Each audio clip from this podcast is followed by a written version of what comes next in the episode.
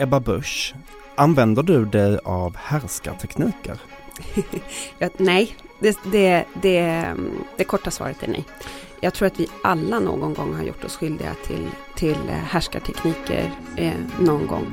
Men om mitt ledarskap präglas av det, nej.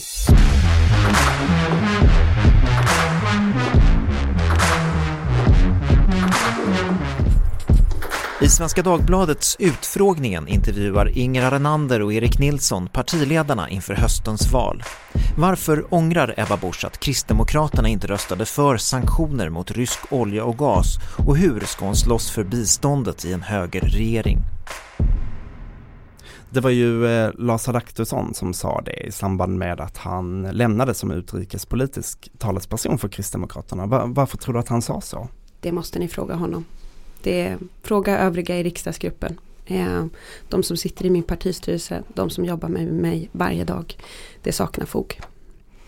Ni vill ju ha i Kristdemokraterna ett generöst bistånd, tror jag formuleringen är på er hemsida. Eh, och i år så ska Sverige betala ut ungefär 57 miljarder kronor internationellt bistånd och annat bistånd.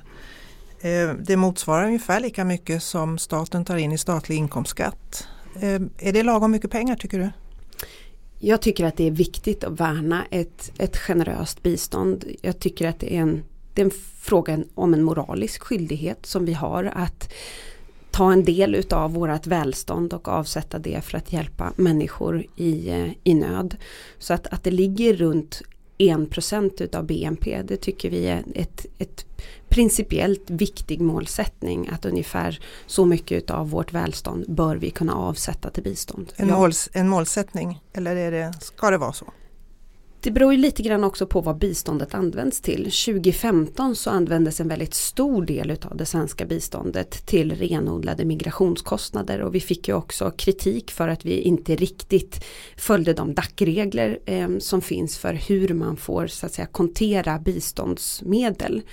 Eh, och det kritiserade vi då. Eh, har man en, en, stor migration så bör det också märkas i den delen utav statsbudgeten och inte i biståndsbudgeten i Sverige. Primärt på det sättet som gjordes 2015. Och det är ju en anledning till att jag säger att, att eh, runt 1% det kan ju vara lite grann en diskussionsfråga men vi kommer att värna enprocentsmålet och har gjort det ända sedan det infördes. Sverige har ju eh, andra stora problem som ni har identifierat med gängkriminalitet, med eh, inom sjukvården, ni vill rusta upp försvaret som kostar väldigt mycket pengar. Era samarbetspartner Moderaterna och Sverigedemokraterna de vill ju använda pengar från biståndet. Det är patienter, det är pensionärer som är vinnare på den här budgeten, det är brottsoffer, det är barnfamiljer. Hur motiverar du att Sverige lägger så mycket pengar på bistånd när det finns så stora problem här? Jag skulle säga att det är generöst men det är inte jättemycket. Eh, och givet att, att vi hade över 80 miljoner flyktingar i världen innan Ukraina-kriget nu har fått ytterligare över 10 miljoner bedömer man.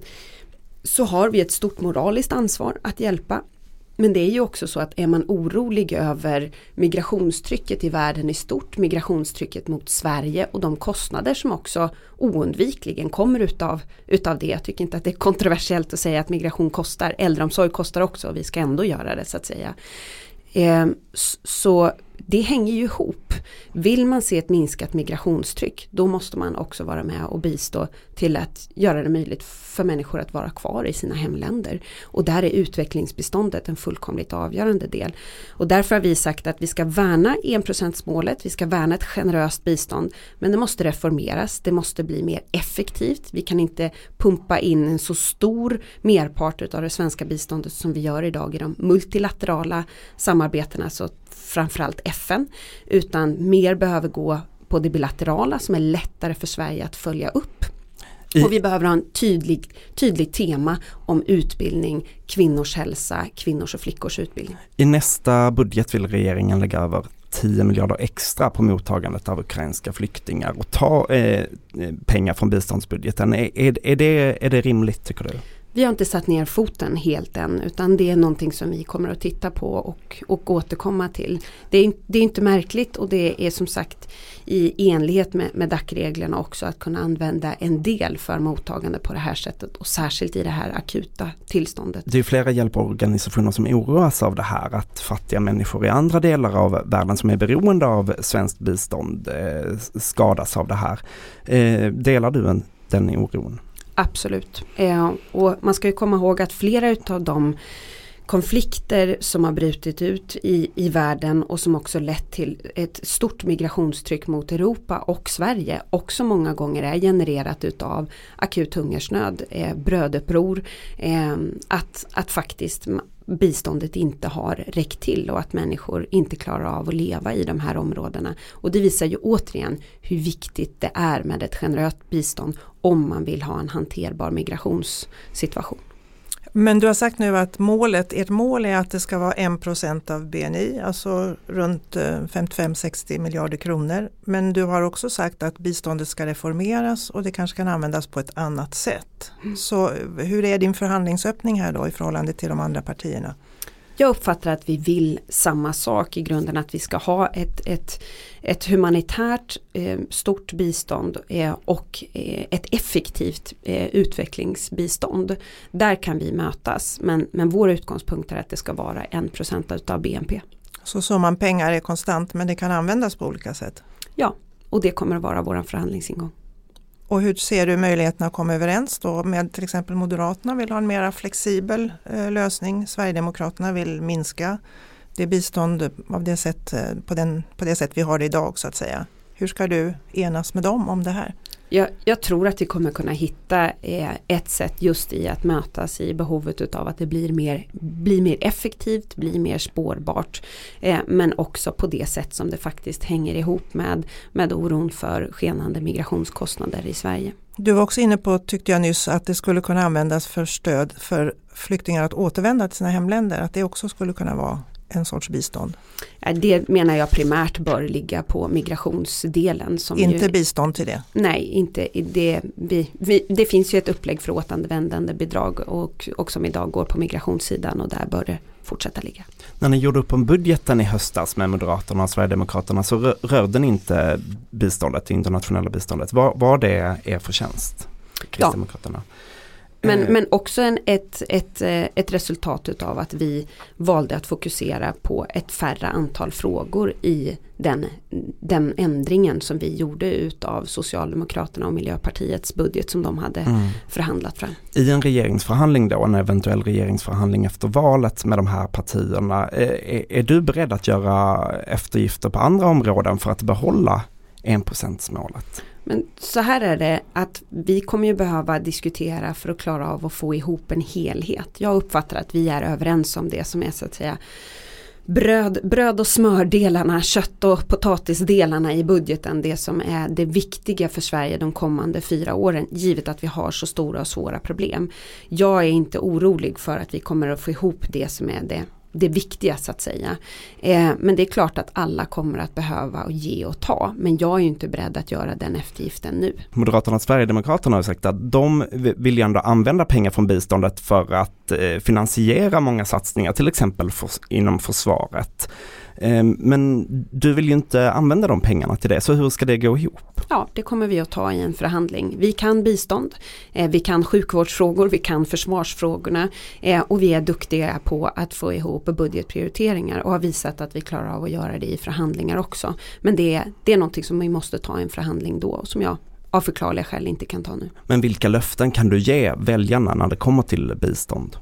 Vill man värna både det moraliska ansvar som vi har att hjälpa människor i nöd, se till att vi hjälper i, i högre utsträckning de allra mest utsatta verkliga flyktingar eh, och inte får biståndsmedel som går till sånt det inte är avsett till. Då är vi alternativet. Vill man dessutom se till att vi får en hållbar migration då är det viktigt att värna biståndet. Biståndsdelen och migrationsdelen går faktiskt hand i hand i den svenska statsbudgeten och det kommer vi att slåss för. Så dina kristdemokratiska väljare, sympatisörer eh, kan känna att eh, med era utgångspunkter, kan de lita på dig i den här frågan? Det kan de göra men också de eh, tidigare sverigedemokratiska väljare som, som har funderat på nu, ja men man kanske ska rösta på ett parti som man vet kommer att ingå i, i en M-ledd regering eh, och ett parti som då faktiskt knyter ihop de här frågorna eh, och som ser att är man orolig för migrationen då bör man också värna biståndet. Är det en garanti det här? Kan du lämna en sån? Men det går aldrig att, att sätta liksom ultimatum i budgetförhandlingar men jag tror att alla har hört fullkomligt glasklart vad våran ingång är i att värna ett generöst men effektivt bistånd och jag är inte orolig för att vi kommer hitta sätt att mötas där. Vi eh, byter ämne. Jag tycker ju att inte några företag borde köpa vare sig uran, olja eller gas ifrån Ryssland. Med tanke på de nya avslöjanden om grymma brott eh, som eh, begås i Ukraina eh, av Ryssland. Vad tycker du att världen väst ska göra mer för att stoppa det här? Jag skulle säga att är man inte beredd att ta steget med en flygförbudszon som skulle innebära ett ja, då är vi vid ett full, en fullskalig konfrontation med, med Ryssland och ett, ett direkt krig med Ryssland tror jag blir, blir nästa steg. Är man inte beredd att ta det steget, eh, vilket är fullt förståeligt att man inte är, då är det frågan om rysk gas och rysk olja. Men eh, alldeles nyligen röstade ni ju nej till ett sådant förslag i riksdagen. Miljöpartiet la fram det här förslaget och motiverade med att man ville stoppa pengar till Putins krigskassa. Nu säger du det här, varför röstade ni då nej? Vår linje och intervjuer och uttalanden som både jag och andra företrädare gjort eh, innan det och innan president Zelenskyjs tal i riksdagen har varit fullkomligt glasklart. Sverige borde stötta svenska hamnarbetare och göra det möjligt för dem att, att inte bistå med den här typen av leveranser i svenska hamnar. Sverige borde också gå före och strypa den lilla import som vi har utav rysk eh, gas. Det har vi tryckt på i EU-nämnden också. Så varför röstade ni nej? Ja, jag ger det resonemanget nu. Vi har också tryckt på att i EU-nämnden så är det här det som ska vara Sveriges linje i EU-kommissionen. I utskottet hade man en ganska annorlunda argumentation eh, och tryckte in massa andra politiska ställningstaganden också när man presenterade sitt förslag. Men jag menar att det var ett misstag att inte rösta för och vi tittar nu på att göra gemensam sak med andra partier för att väcka ett nytt initiativ. Vi borde ha stöttat Miljöpartiets initiativ, vi borde ha struntat i vad deras muntliga, eh, muntliga motivering eh, var. Det var fel. Så vad blir konsekvensen nu om Sverige går före som du säger innan resten av EU går med så att säga? Ja, jag menar att konsekvensen blir att vi eh, ytterligare bidrar till att försvåra för Putin att finansiera sitt krig. Ett argument hittills har ju varit att det är ett värde i sig att EU är enigt om detta. Så varför håller inte det längre? Jag har aldrig sett det behovet utav enighet när det kommer till just olja och gas. Allt som på något sätt kan försvåra finansieringen för Putin att bedriva det här kriget är bra. Ibland finns det ett egenvärde i enhet. Jag menar inte att EUs linje på något sätt skulle bli otydlig av att de länder som har lättare att strypa det här helt faktiskt gör det.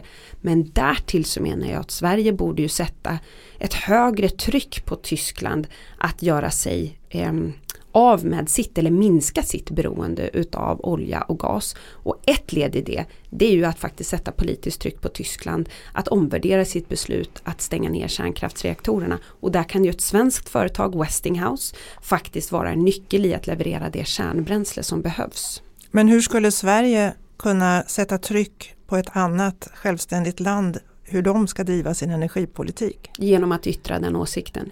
Alltså alla ser att det är blodspengar som just nu går ifrån europeiska länder, ifrån Sverige, ifrån Tyskland som faktiskt då finansierar att Putin kan fortsätta att bedriva det här kriget. Och då är det mycket riktigt som statsminister Magdalena Andersson säger, ja men vad är, vad är Tysklands alternativ? Ja det är, det är svårt att hitta ett alternativ. Och då menar jag att då behöver man peka på det konstruktiva alternativ som finns. De kärnkraftverk som stängde i början på året skulle kunna drivas vidare. Och det är klart att vi har väldigt stor respekt för ett annat lands energipolitiska beslut. Men här kan man ju åtminstone yppa sin åsikt. Eh, och om man vill göra det i stängda, i stängda rum då i direktkontakter med Tyskland. Att vore det inte bättre om man tycker att det är dåligt att driva kärnkraftverk vidare. Det kan vi ha respekt för. Men är inte det ändå ett bättre alternativ än att finansiera Putins krig med andra handen? Men det här beslutet att stoppa svensk import av rysk och gas, skulle det fattas omedelbart så att säga? Det skulle hända nu? Ja, det finns ju en del frågetecken som vi skulle behöva reda ut exakt vad ledtiderna blir på detta, inte minst de leveranser som sker med skepp. Det är en annan sak om man stoppar till exempel ryska flyg. Det är ett beslut som, som hade kunnat effektueras väldigt snabbt medan leveranser av olja och gas tar lite längre tid. Men det är någonting som vi önskar se så snart som möjligt. Men du säger att du eh, ångrar att ni röstade nej till Miljöpartiets förslag. V vad var det de sa då? Miljöpartiet som gjorde att ni röstade nej? Men många gånger så knyter man ju sina hjärtefrågor, sina egna politiska käpphästar till olika utskottsinitiativ. Och vi ska säga det, det har haglat utskottsinitiativ under den här våren. Vår linje är fullkomligt glasklar eh, och den, den har vi hållit i, i EU-nämnden. Det är ju där vi sätter mandatet för, för regeringen att förhandla. Men jag hade hellre sett att vi hade stopp, stöttat utskottsinitiativet och nu tittar vi på att kunna gå fram med ett nytt sånt eller göra det tillsammans med Miljöpartiet. Men vad var det de, de sa som gjorde att ni ändå sa nej till det här förslaget som, som ni vill? Ja men de bakade ju in sin övriga politik i den muntliga argumentationen som vi, som vi inte stöttar. Men egentligen. För, för det var ju bara den muntliga argumentationen ja, då. Och det är därför jag säger det var ett misstag, vi gjorde fel och vi kommer att göra annorlunda om tillfälle ges och vi tittar just nu på att bistå ett sådant initiativ. Låt säga att det skulle bli så här och att Tyskland eh, följer efter. Tyskland är ju inte oberoende av Ryssland på ett sådant sätt som Sverige är. Vilka konsekvenser skulle det få tror du? Om man ser snävt till svenska konsumenter. Att Tyskland också väljer att gå den att vägen? Att EU som EU kommer till det beslutet? Det är mycket möjligt att på kort sikt så får vi en situation där priserna fortsätter att öka. Men då ska vi dra ut den långa linjen. Ponera att vi då får ytterligare ökade aggressioner ifrån Ryssland gentemot Ukraina. Det i sig kommer få enorma konsekvenser för Europa och Sverige. Eh, och att vi inte får ett slut på det här kriget enda vägen framåt att faktiskt kunna sätta det, det presset, det trycket på en diplomatisk lösning, en fredlig lösning ut ur det här. Eh, det är att, att omöjliggöra för Putin att bedriva det här kriget och då är oljan och gasen avgörande. Hur bedömer du utsikterna då att lyckas med detta? Att få enighet i EU menar jag kring det här beslutet? Väldigt tufft. Men det är enda vägen framåt för EU att på allvar eh, kunna bistå med att få ett stopp på kriget är att man också stryper finansieringen. Ukrainas ledning efterlyser mer militär hjälp, alltså direkta ingrepp också från hjälp, militär hjälp. Hur ser du på det? Ja, och jag tror att det är väldigt många länder som med rätta drar sig för att gå den vägen. Då måste man också Eh, prioritera att strypa finansieringen. Vi kan inte med ena handen bistå med humanitärt stöd eh, och vapen för att Ukraina ska försvara sig och med andra handen eh, möjliggöra för Putin att begå de här krigsförbrytelserna och mörda människor på det här bestialiska sättet. Men du pratade innan om en flygförbudszon. Ser du ändå anledning för till exempel NATO att gå in med trupper i Ukraina? Jag tror att vi behöver börja med att strypa strypa finansieringen. Eh, men vi ser just nu en eskalering och ett övergrepp mot civila eh, som är väldigt oroväckande. Och det är klart att det är många länder nu, inklusive Sverige, som funderar på var går gränsen för när vi ändå måste ingripa trots eh, den enorma eskaleringsrisk som det innebär. Var går gränsen? Det kan ingen säga med säkerhet, inte heller jag. Man kan säga att tiden går och om EU ska bli eniga om det här, det blir tufft. Det kan ju ta lång tid. Under tiden så eh, pågår övergreppen i Ukraina. Så var går gränsen är en svår fråga men eh, ändå, om det här tar tid med de ekonomiska sanktionerna som du föredrar, vad ska omvärlden göra då? Jag tror att det viktiga är att omvärldens stora ledare som faktiskt har de, de militära muskler som skulle behöva kräv, som krävs i ett sådant läge inte på något sätt uttalar att det skulle vara uteslutet att då gå in Eh, och skydda oskyldigt människoliv. tror Putin att det är fri lejd och ser att europeiska länder och andra fortsätter att finansiera hans krig då ser han heller ingen anledning till att backa. Eh, och därför, är det, därför var det viktigt att Sverige bistod med ytterligare eh, försvarsmateriel nyligen. Därför att om Putin tror att, att eh, det inte finns ett, ett om, om Putin tror att han kan vinna genom att fortsätta så här, då finns det ingen anledning för honom att komma till förhandlingsbordet och nå en fredlig lösning. Så du utesluter inte militära aktioner då? Nej, och det, det, det får vi inte utesluta därför i sådana fall så finns det ingen anledning för Putin att, att lägga ner sina vapen om han tror att väst bara kommer att stå och titta på. Men där är vi inte nu. Jag vill understryka det. Vi kommer inte ge ett sådant besked eh, nu. Men det är viktigt att väst inte utesluter det utan uppehåller eh, även det militära trycket mot Ryssland. Och det främsta sättet att göra det nu det är att fortsätta att stötta Ukraina humanitärt med försvarsmateriel och därtill då också strypa finansieringen. Vi byter ämne igen. Jo men det är jag som bestämmer i klassrummet. Ebba Busch, vilket ämne tyckte du var tråkigast i skolan? Teknik kanske. Jag tyckte mycket var roligt i skolan fram tills gymnasiet och jag mådde väldigt dåligt eh, och var väldigt glad över att jag överhuvudtaget eh, lyckades stå på det där studentflaket ehm, och, eh, och fick fick godkända betyg överhuvudtaget från att ha varit ett så kallat MVG-barn i, i grundskolan. Men jag, jag, jag gillade skolan och trivdes väldigt bra i skolan i, i grundskolan framförallt. Men teknik, vad är det? Fysik, kemi och sånt? Eller? Nej, det, vi hade, det var ett eget ämne på min tid som hette teknik.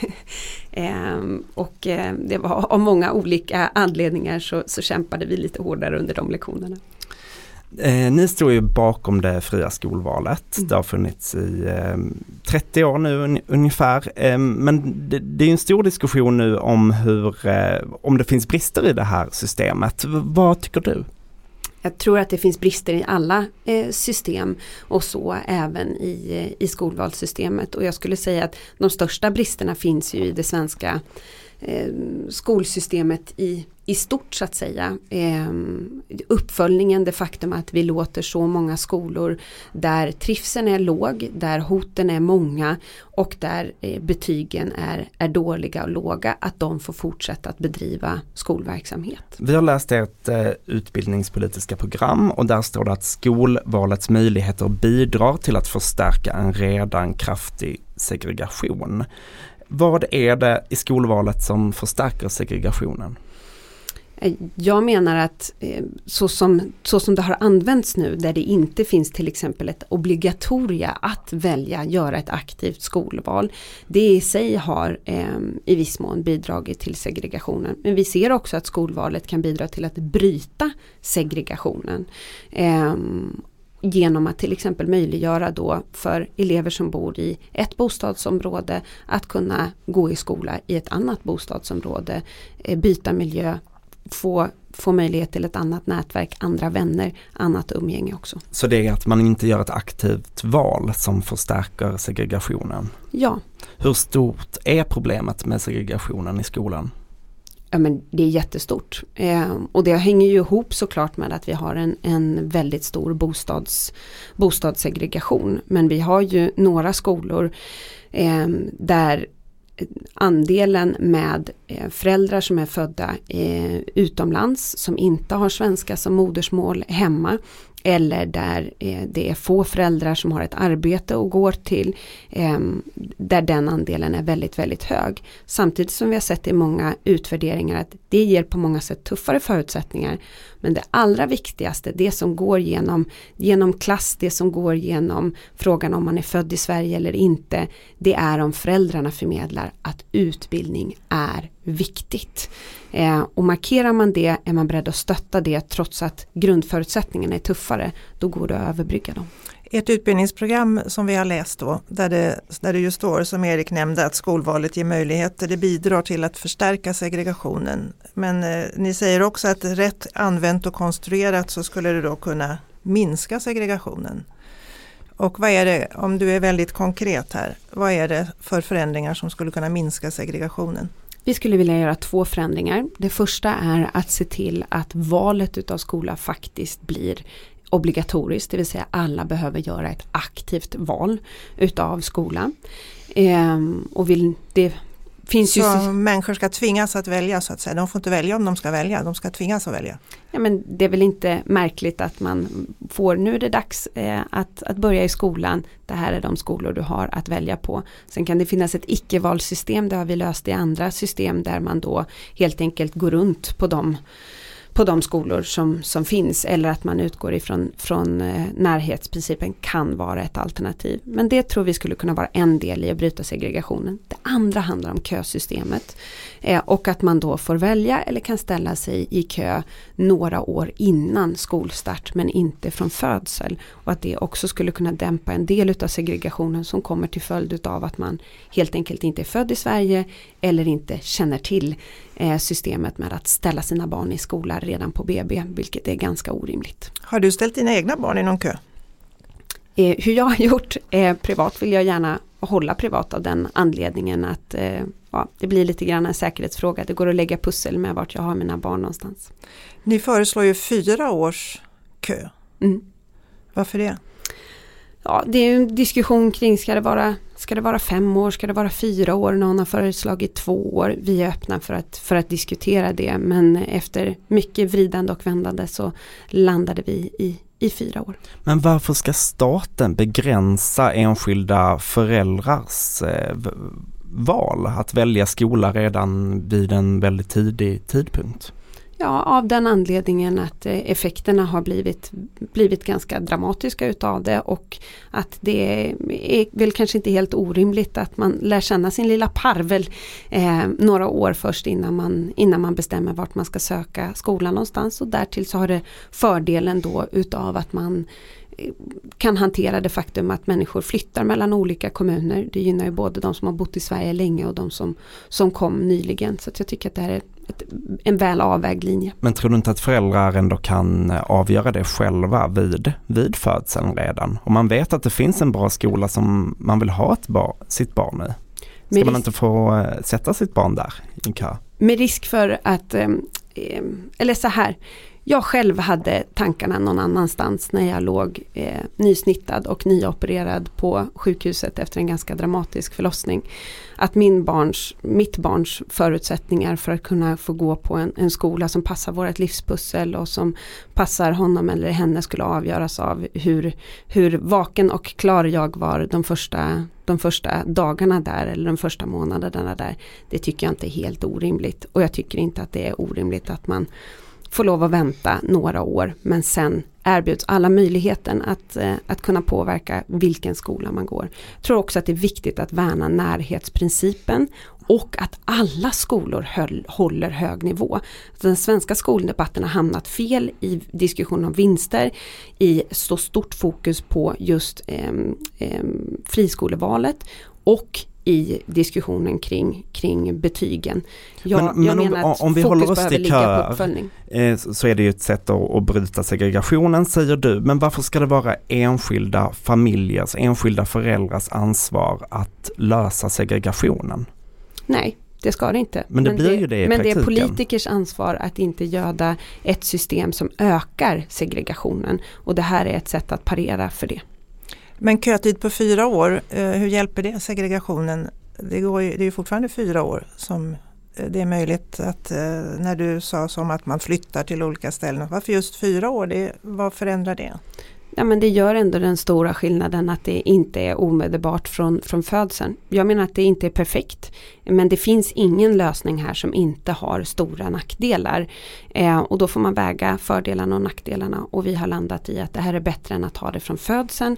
Men det är också eh, bättre än att ha det precis innan då, då osäkerheterna blir så stora. Men, men för mig är det viktigt att väljarna vet det här är inte vårt primära fokus. Och den som, den som lägger all tid och kraft på betygen, friskoleval och kösystemet kommer inte lösa problemet med att hälften utav alla som går i årskurs 9 upplever eh, att det är för stökigt för att kunna lära sig i klassrummet. Att en fjärdedel ungefär, mellan en fjärdedel och en femtedel upplever så mycket stor otrygghet i skolan att det inte är hanterbart. Och att vi har så många skolor där alldeles för många inte eh, får tillräckligt godkända betyg. Det är andra åtgärder som måste till för att lösa det. Eh, om man tänker på det du just sa, ni tycker ju också att en bra skola ska hjälpa varje elev att utvecklas så långt det är möjligt. Och du nämnde också att skolor i Sverige kan göra vinst, de är ju skattefinansierade och de kan dela ut sina vinster också. Hur vet man var gränsen för en elevs potential finns? När är den nådd så att man har pengar över så att säga att dela till aktieägare? Det kan inte jag redogöra för i liksom en, en exakt formel här men det här handlar ju i grunden om det förtroende vi har för lärarnas kunnande, eh, för läraren som auktoritet i klassrummet, eh, någonting som man behöver lägga betydligt större tonvikt eh, på. men det, det här handlar det... ju kanske inte om det om jag får avbryta utan mm. det här handlar ju om de pengar som skattebetalarna lägger för att utbilda Sveriges barn och unga så att de ska få en god utbildning när kan man bestämma att nu har de fått så bra utbildning det bara går så att nu finns det lite pengar över som vi kan göra något annat med trots att pengarna var avsedda för just utbildningen? Jag menar att det faktiskt hänger ihop med lärarens eh, kompetens och den auktoritet som vi låter läraren ha. Och vi har ju sett att, att följa upp våra skolor på idag via Skolinspektionen och där det faktiskt går att prata med lärarna direkt vid en uppföljning. Hade vi kunnat göra mer för den här eleven eller inte? Det är ju ett uppföljningssystem som finns redan idag. Eh, och då kan man också knyta det till till exempel frågan om, om vinstutdelning. Vinstfrågan verkar inte så viktig för dig. Ehm, är det bra, tycker du, att riskkapitalister finns i svensk skola? Alltså jag ser inget egenvärde i det men det kan vara en möjlighet för att kunna få in nytt kapital, att kunna bygga fler skolor. Ehm, det är dyrt att bygga skolor, ehm, det är dyrt att dra igång skolor samtidigt som vi ser att befolkningen växer. Det går också då att få in skolor med annan eh, pedagogisk inriktning, ett annat sätt att bedriva sin skola på. Men jag menar att har man en tuff uppföljning av skolorna i Sverige och ser till att de faktiskt uppfyller kraven eh, för att bedriva utbildning, gör ett gott jobb med eleverna. Då löser de andra frågorna också ut sig. Det bör inte vara möjligt att göra stora vinster på ehm, en, en, en skattefinansierad del utav välfärden. Men vi har också sett att det går att vara ett så att säga idéburet men också vinstgivande privatföretag och leverera enormt bra utbildning. Och det är ju också, ska man överföra det här resonemanget på kommunal verksamhet, ja då är det ju som att vi skulle säga att bara för att vi har några utav våra absolut sämsta skolor i landet är kommunala, så ska vi lägga ner, eh, ska vi lägga ner kommunernas ansvar för, för, eh, för skolorna? Nej, det finns bra och dåliga exempel i båda ändar. Vi är ute efter att stänga de som faktiskt inte fungerar eller göra det svårare för dem att bedriva sin verksamhet. Du sa nyss, det bör inte vara möjligt för skolorna att göra vinst, stora vinster. Hur ska man stoppa det då om du inte tycker att det ska vara möjligt? Fokus på kvalitet. Och hur ska det hindra vinsterna menar du när man gör avgörande från fall till fall så att säga? Hur man, långt man har nått med eleverna? Nej men in, ingången i frågan är felställd. Gör skolan sitt jobb? Ja eller nej? Den inspektionen behöver ske. Eh, och då funderar jag inte så mycket på, på driftsformen. Just nu så har vi alltså en, en regering som uttalar sig om att, att friskolor eh, skickar pengar till till sina ägare för att gå på bordeller och allt möjligt vad det var man uttryckte så djupt ovärdigt ifrån statsministern och ansvarig minister. Samtidigt som vi har några utav de bästa skolorna i landet och som lyckas också få elever med väldigt tuffa förutsättningar att nå sin fulla potential. De är friskolor. Dra inte alla över en kam oavsett om de är friskolor eller om de drivs i, ehm, i, i kommunal regi. Följ upp, fokusera på kvaliteten, innehållet, trivseln. När Alliansen satt i regeringsställning så tyckte både finansminister Borg och utbildningsminister Björklund att riskkapitalister inte passade för att driva skolverksamhet. Du sa nyss att du vill inte hänga upp dig på ägarformen men har det hänt något som gör att de kan vara passabla nu då i så fall? Nej, som jag sa, det, fin det, finns inget egenvärde i det. Vi ska ha aktörer som oavsett om de är, är kommunalt drivna, alla är ju offentligt finansierade eller, eller drivna utav fristående alternativ, så ska de ha långsiktiga intressen och det bör vara väldigt tuffa krav på att också klara med och motgång och en plan för vad, vad man gör om en skola inte kan drivas vidare och det måste gälla både de, de kommunalt drivna och de fristående. Ebba Busch, tack så mycket. Tack.